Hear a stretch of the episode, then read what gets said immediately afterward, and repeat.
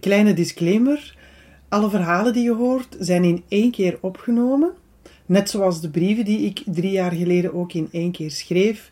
Dus met alle haperingen, pauzes en emoties die erbij horen.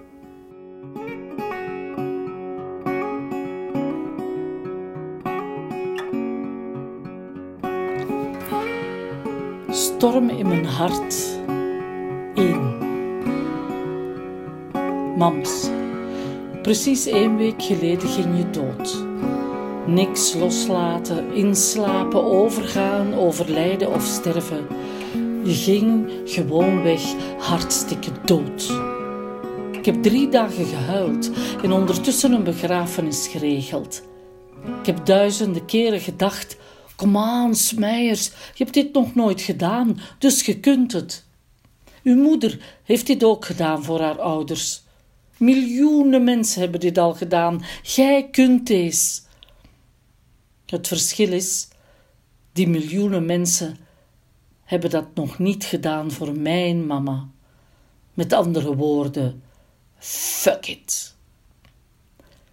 De vierde dag, vorige week donderdag dus, heb ik gewoon mijn kop in het zand gestoken. Als ik doe alsof ze niet dood is, dan is ze niet dood. Met als gevolg dat ik donderdagavond na het oudercontact vrolijk naar jou belde om te vertellen hoe Louis zijn rapport is geweest. Dat was trouwens niet zo goed. Ja, niet moeilijk. Zijn moeke ligt dood te gaan en het joch kan zich zo al niet goed concentreren. Hij schrok zich een ongeluk, beet zijn teleurstelling weg en denkt nu na over een richting met veel meer praktijk. Onder ons, wij weten al langer dat hij iets praktisch moet gaan doen, niet? Anyway, ik belde dus om te vragen of jij hem wat kon opweppen. Niet dus, want jij bent dood. Dag vijf en zes had ik het gevoel dat ik terug kon ademen. Dus deed ik allemaal dingen die niets met jou te maken hebben kerstcadeaus kopen, afspreken met vrienden, een paar Irish koffies achterover slaan op de kerstmarkt. Die vrienden weten dat ik geen alcohol drink en hielden wijselijk hun mond. Ik verkondigde overal dat ik oké was, en eigenlijk ben ik dat ook, gezien de omstandigheden. Ik verzamelde foto's uit onze fotoalbums van je werk van de reizen met Rudy en van de kleinkinderen. Ik plakte, ik knipte, ik knutselde, ik deed alles om maar niet aan jou te moeten denken. Ik deed alles om niet aan mijn tekst te beginnen die ik vrijdag ga voorlezen. Want schrijven is denken aan jou. Vandaag, precies één week geleden op dit uur, gaf ik een laatste kus op je warme voorhoofd en zong een liedje. De volgende kus was op je koude voorhoofd, maar toen was er al lang niet meer. Vanaf het moment dat je dood was, was je ribbedebie en jouw lichaam slechts het omhulsel van wie je was geweest. Vandaag schrijf ik en denk ik aan jou en aan Sarah die vorige week zei: Als we onze kop in het zand steken, is dat voor onze eigen bescherming. Dan ga je maar beetje bij beetje verdriet voelen. Als je dat in één keer voelt, dan ontplof je. En ik denk aan mijn nicht die vanmorgen vertelde: Het eerste jaar is er een van vele eerste keren. Ze had gelijk dit is mijn eerste week zonder jou.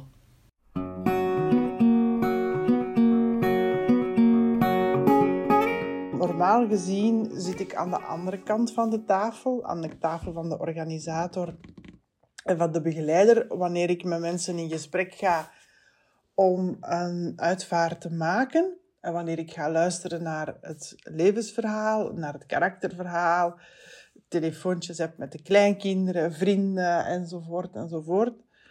Maar nu zat ik aan de andere kant van de tafel en ik vind dat geen prettige kant, moet ik eerlijk toegeven. Ja, direct nadat ze overleden was, eigenlijk de dag daarna, is mijn mama opgehaald door de uitvaartondernemer. Dat wou ze zelf. Ik zelf had het misschien fijn gevonden als dat iets langer had geduurd. Als we toch nog een soort van uh, waken hadden gedaan. Dat hoeft misschien die dag nog. Ze is s'avonds gestorven. Misschien had ik het fijn gevonden als ze heel de dag nog bij ons was geweest. Maar langs de andere kant had ik echt, echt wel door dat, um, ja, zo, dat, dat zij dat echt niet meer was. Dat was echt gewoon het lichaam dat daar nog lag. Dus ik had ook zoiets van, ja, het hoefde niet en misschien had ik het wel prettig gevonden. Um, en je gaat denk ik wel merken in wat ik nu ga vertellen, dat alles heel tegenstrijdig en heel dubbel is. Dat ik altijd heel mixed feelings had over alles. Hè. Ehm, we hebben gekozen om haar uitvaart te doen in de aula van een uitvaartondernemer hier in het noorden van Antwerpen. Nu, ik moet zeggen, dikke, dikke merci aan Sigrid en Christophe, want dat is natuurlijk fantastisch gedaan. Heb, we hebben gekozen voor een uitvaartondernemer waar ik voor gewerkt had. En uh, die mijn mama en Rudy ook kenden, omdat ze daar al een paar keer naar een uitvaart waren geweest. En um, ja, ze vond dat een hele mooie zaal, enzovoort, enzovoort. Dus dikke merci omdat zij dat gedaan hebben. Maar ik weet wel dat als ze in de zomer was overleden, dan hadden we de uitvaart kunnen doen in de tuin. Die tuin was groot genoeg om daar alle mensen te ontvangen die we wilden uitnodigen. Maar dat is niet zo. Hè. Ehm, maar ook daar weer die tegenstrijdigheid van uh, ja, het, het, het, het, kiezen voor wat dat er um, op dat moment het gemakkelijkst is. en ik mag dat eigenlijk zo niet zeggen, want we hebben gewoon haar wensen vervuld. Hè, dus, maar toch, hè, um, toch vind ik het uh, een beetje jammer dat we dat niet in de zomer hebben kunnen doen. Nu, dat is heel veel regelwerk. Er is zo verschrikkelijk veel op mij afgekomen dat dat echt mist is. Ik was heel verdrietig. Ik heb superveel gehuild. En tegelijkertijd was ik ook echt heel praktisch en heel rationeel. En ik herinner mij dat ik in die periode mijn emoties ook kon aan- en uitzetten. Dus ik kon die echt uitzetten om te zeggen van oké, nu moeten we dat doen en dat doen en dat doen en dat doen. En als dan alles voor die dag geregeld was, dan zette ik mijn aanknop, hè, dan zet ik mijn knop aan, liever gezegd. En dan, ja, dan kwam het. En dan kon ik ook niet, niet stoppen met huilen. Dus ook daar weer zo die, die dualiteit van die dagen. Nu, dat verandert nog wel hoor. Maar dat ga je nog wel horen in de volgende brieven en podcasts. Dat uh, op een bepaald moment de knop wel echt aan blijft staan. En dat ik hem ook gewoon niet meer uitkrijg. Maar er was natuurlijk ook mijn gezin om voor te zorgen. Er was Louis die van naadje tot raadje wilde weten wat er uh, met ons moeder ging gebeuren. Uh, hoe dat zo'n crematie eruit zag. Um, hoe, hoe warm dat die in oven stond. Um, hoe dat daar precies in zijn werk ging. Um, ja, dat was wel heel... Ik vond dat ook heel fijn om dat zo heel duidelijk te kunnen uitleggen aan hem. Ik voelde ook echt dat hij daar nood aan had. En ik was op dat moment blij dat ik daar eigenlijk ook zoveel over weet. Dat ik dat ook echt heel goed heb kunnen vertellen. Er, ja, er gebeurt zoveel. Hè. Uh, we hadden rouwbrieven bijvoorbeeld. Je moet dan een rouwbrief opstellen. Ja, dat is ook wel heel grappig. Ik had om één of andere reden de achternaam van de, de vrouw van mijn oom verkeerd. Dus zij noemt Wouters en op de eerste brief stond. Peters. Waarom ik dat gedaan had, Joost mag het weten. Maar ik had het wel gedaan, dus die hebben we dan opnieuw moeten laten drukken. We hebben ongeveer 200 brieven geschreven, dus 200 maal pakt 2 of anderhalf. Dat zijn 350 mensen tot 400 mensen die uitgenodigd worden. En zoveel mensen waren er ook op de uitvaart.